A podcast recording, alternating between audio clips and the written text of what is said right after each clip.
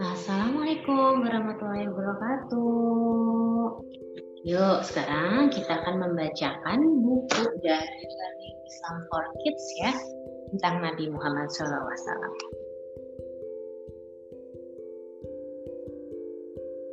Sejak Nabi Muhammad kecil, Allah Subhanahu wa taala telah menampakkan tanda-tanda kenabian pada dirinya. Hatinya suci dan akhlaknya mulia. Tak hanya itu, Allah juga memberi ujian kepada Nabi Muhammad kesabaran menghadapi ujian-ujian itu sehingga menumbuhkan kemuliaan pada dirinya. Taman gajah. Alkisah Raja Abraha mem memimpin pasukan penunggang gajah dari Afrika untuk menyerbu Mekah.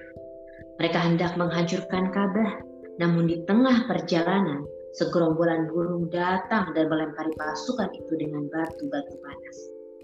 Pasukan bergajah itu pun lari tunggang-langgang. Burung-burung itu ternyata diutus Allah untuk mengalahkan pasukan Abraha yang sombong. Beberapa waktu kemudian lahirlah seorang mulia yang diberi nama Muhammad. Oleh karena itulah tahun kelahirannya dikenal dengan tahun gajah. Ayah dan ibu. Orang tua Nabi Muhammad bernama Abdullah bin Abdul Muthalib dan Aminah binti Wahab. Ketika Aminah sedang mengandung, Abdullah pergi berdagang ke Suriah, Gaza, lalu ke Syam. Di perjalanan, Abdullah sakit dan tak lama kemudian meninggal.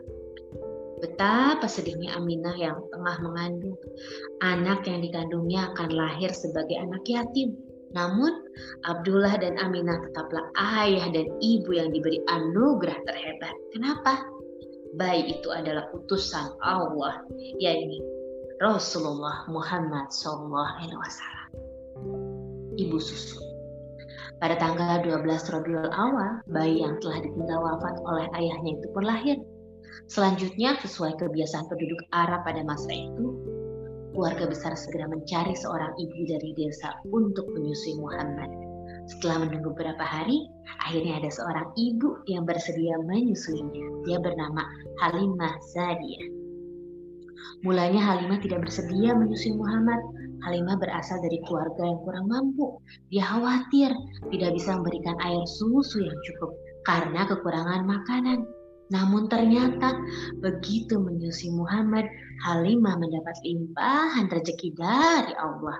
Muhammad tumbuh sehat dan cerdas dalam asuhan Halimah. Diasuh kakek. Ketika usia Muhammad lima tahun, Halimah mengembalikan Muhammad kepada ibu kandungnya, Aminah. Sayangnya kebahagiaan itu tak berlangsung lama. Baru satu tahun bersama, Aminah meninggal yang meninggal dunia selepas mengajak Muhammad pergi ke Yatsrib untuk berziarah ke makam ayahnya. Ummu Aiman yang menemani perjalanan mereka membawa Muhammad ke pangkuan kakeknya, Abdul Muthalib. Sejak itulah Muhammad dibesarkan oleh kakeknya dengan penuh cinta dan kasih sayang. Namun, lagi-lagi Muhammad kecil harus kehilangan orang tercinta. Saat Nabi Muhammad berusia 8 tahun, sang kakek tercinta tutup usia. Sedih sekali ya tinggal bersama paman. Sepeninggal sang kakek, Muhammad dirawat oleh adik ayahnya yang bernama Abu Talib. Di rumah paman yang sederhana, Muhammad berbagi tempat dan makanan dengan putra-putra Abu Talib. Rasa sedih Muhammad pun terobati karena sang paman amat menyayanginya. Mengembala kambing. Di usia yang baru menginjak 9 tahun, Muhammad mencoba bekerja. Dia tidak mau menjadi beban sang paman yang memiliki beberapa putra. Setiap hari Muhammad pergi mengembala kambing milik tetangganya dan mendapat upah ala kadarnya. Upah itu sering Muhammad berikan kepada bibinya untuk membeli kebutuhan dapur. Meski bibinya tidak mengharapkan pemberian darinya, Keuletan dan keteladanan Muhammad membuat para tetangga berebut ingin mempekerjakannya. Setiap sore Muhammad mengembalikan kambing kepada pemiliknya dalam keadaan utuh. Bahkan kambing-kambing itu tampak gemuk dan segar. Berdagang ke Syam. Suatu hari Muhammad menawarkan diri untuk ikut sang paman berdagang ke Syam. Abu Talib merasa tak tega mengajak Muhammad yang baru berumur 12 tahun. Perjalanan itu melalui padang pasir yang panas selama berhari-hari. Namun, kesungguhan Muhammad yang ingin membantu sang paman membuatnya luluh. Di tengah perjalanan, mereka bertemu dengan pendeta bernama Bahira. Pendeta itu mengetahui tanda-tanda kenabian pada diri Muhammad. Dia pun menyuruh Muhammad dan Abu Talib kembali ke Mekah Pendeta Bahira khawatir bila bertemu orang Yahudi yang mengetahui tanda kenabiannya, Muhammad tidak akan selamat. Abu Talib bergegas membawa pulang Muhammad walau belum mendapat penghasilan dari dagangannya.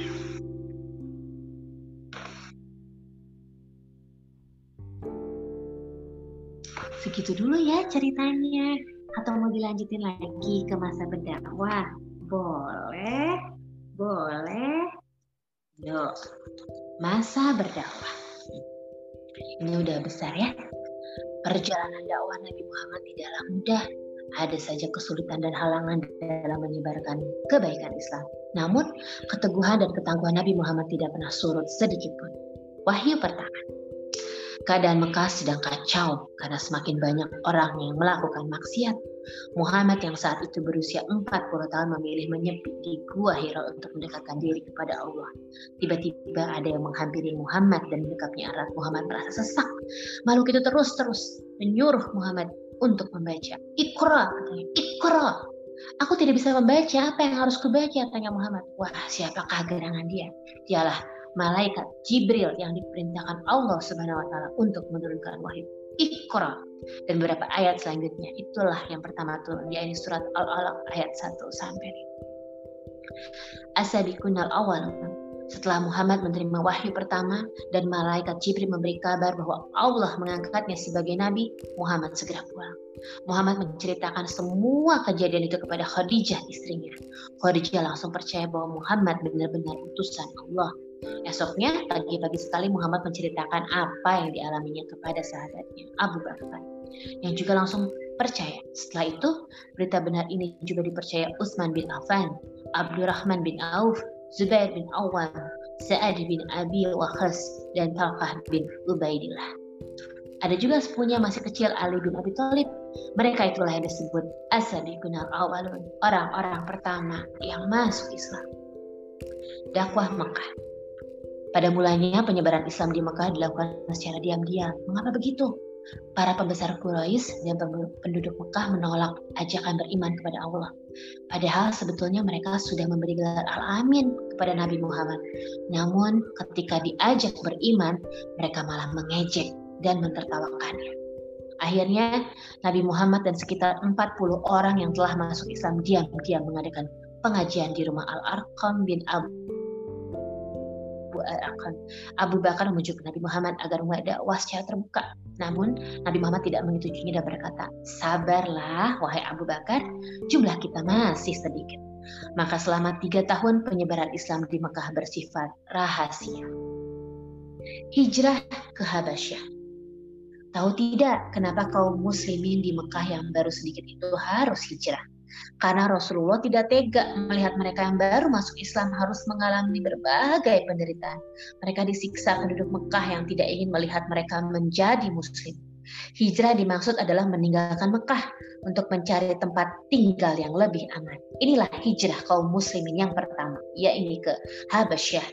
Sekarang lebih dikenal dengan nama Ethiopia. Sungguh perjalanan yang jauh karena letaknya di seberang lautan. Di Habasyah, kaum muslimin merasa aman di bawah perlindungan Raja Negus yang baik hati. Penduduk Mekah yang tidak ingin mereka hidup tenang membujuk Raja Negus agar mengusir kaum muslimin. Namun Raja Negus tidak terpengaruh bujukan itu. Diboikot kaum Quraisy. Apa maksudnya diboikot? Kaum Quraisy membuat peraturan yang digantung di dinding Ka'bah. Peraturan itu melarang umat muslim bergaul dengan penduduk Mekah, melarang berjual beli dan memaksa umat muslim mengungsi ke perkampungan sempit yang disebut Syi'ib Abu Talib. Mereka menderita selama tiga tahun, hanya makan dedaunan, kulit kayu, dan apa saja yang bisa dimakan. Suatu hari, Hisham bin Amir mengajukan permohonan kepada kaumnya untuk mencabut pemboikotan itu. Meski banyak yang menolak, akhirnya umat muslim bebas dari pemboikotan. Peraturan di dinding Ka'bah dicabut. Ternyata semua kertasnya sudah habis dimakan rayap. Tinggal tulisan atas nama Allah, Tuhan kami. Tahun kesedihan.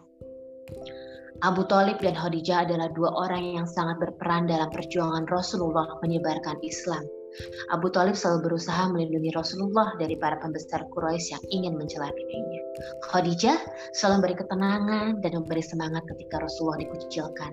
Dia pun tak segan mengorbankan harta bendanya untuk kelancaran dakwah Rasulullah.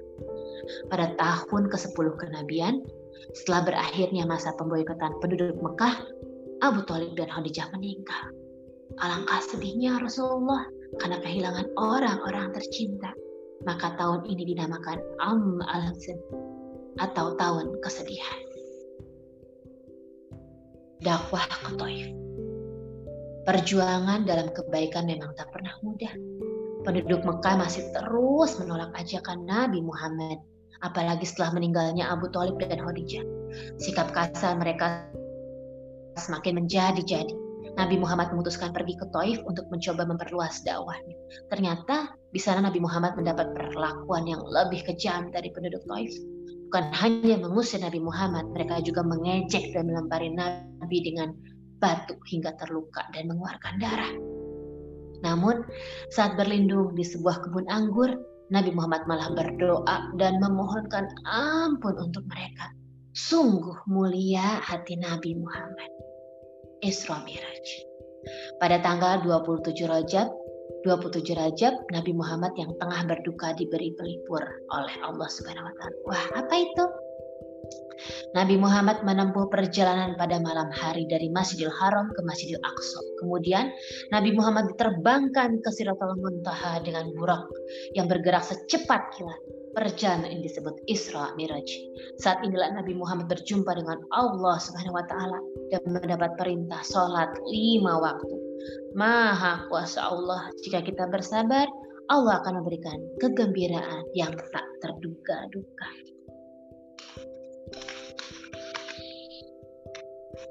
Hijrah ke Madinah. Bila merasa sudah tidak nyaman di suatu tempat, biasanya kita ingin pindah. Begitu pula Rasulullah. Kota Mekah semakin tak bersahabat untuk berdakwah. Maka dari itu Rasulullah memerintahkan umat Islam untuk berhijrah ke Madinah. Berangkatlah umat Islam secara bertahap sampai akhirnya tinggal Rasulullah, Abu Bakar, dan Ali bin Abi Thalib yang masih berdiam di Mekah. Abu Jahal mengeluhkan Mekah yang terasa sunyi dan semakin menyalahkan Rasulullah. Para pembesar Quraisy berniat membunuh Rasulullah. Ternyata pada malam yang mereka rencanakan, Rasulullah dan Abu Bakar berhasil meloloskan diri. Pembangunan Masjid Kuba. Perjalanan Rasulullah dan Abu Bakar ke Madinah penuh rintangan. Mulai dari kaum Quraisy yang mengepung rumah Rasulullah, dikejar Surokah dan bersembunyi di Gua Sur. Dua minggu, dua minggu kemudian, Rasulullah beristirahat di Kuba, 5 km dari Madinah. Selama empat hari di Kuba, Rasulullah membangun masjid dibantu Abu Bakar. Setelah pembangunan masjid selesai, datanglah Ali bin Abi Thalib. Mereka bertiga pun melanjutkan perjalanan ke Madinah. Piagam Madinah. Umat muslim yang tinggal di Madinah hidup rukun dan saling menyayangi. Bagaimana dengan non-muslim yang sebagian besar adalah orang Yahudi? Nah, untuk hidup damai berdampingan dengan non-muslim, Nabi Muhammad menyusun piagam Madinah isinya antara lain dengan nama Allah yang maha pengasih dan maha penyayang. Perjanjian ini ditulis oleh Nabi Muhammad untuk mengatur hubungan antara kaum muslimin Quraisy dan Yatsrib, serta mereka mengikuti dan bergabung serta berjuang bersama juga para ahli kitab Yahudi. Kemudian ada pasal-pasal yang intinya menjaga kerukunan dan kedamaian antara muslim dan non-muslim di Madinah. Perjanjian Hudaybiyah Perjanjian ini berlangsung di lembah Hudaybiyah. Sangat ingin memasuki Mekah untuk melaksanakan umroh dan mengobati kerinduannya pada tanah kelahiran. Rasulullah dan 1.500 umat muslim dihadang oleh kaum Quraisy. Beberapa sahabat diutus menghadap pembesar Mekah agar mereka diizinkan umroh, tapi selalu gagal.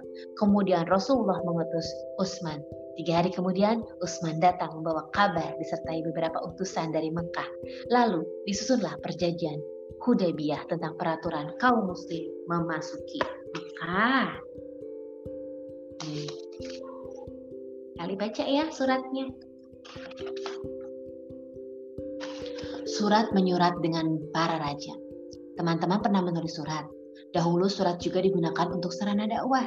Sepuluh tahun tinggal di Madinah, Rasulullah mengirimkan utusan yang membawa surat berisi ajakan masuk Islam kepada para raja di berbagai negara. Surat dikirimkan kepada Raja Negus di Abisina, Harits al-Hiyari di Yaman, Muqawis di Mesir, Heraklius di Kekaisaran Romawi, dan Kisra di Persia. Surat-surat itu mengajak mereka menyembah satu Tuhan dan mengabarkan bahwa Islam adalah jalan yang benar dan damai. Raja Negus sangat tersentuh, kemudian menjadi Muslim. Raja Mukhawis Mukawis juga menerima ajaran Rasulullah, tetapi takut penolakan dari penduduknya. Begitu pula Raja Heraklius dari Romawi, hanya Kisra dari Persia yang menolak mentah-mentah.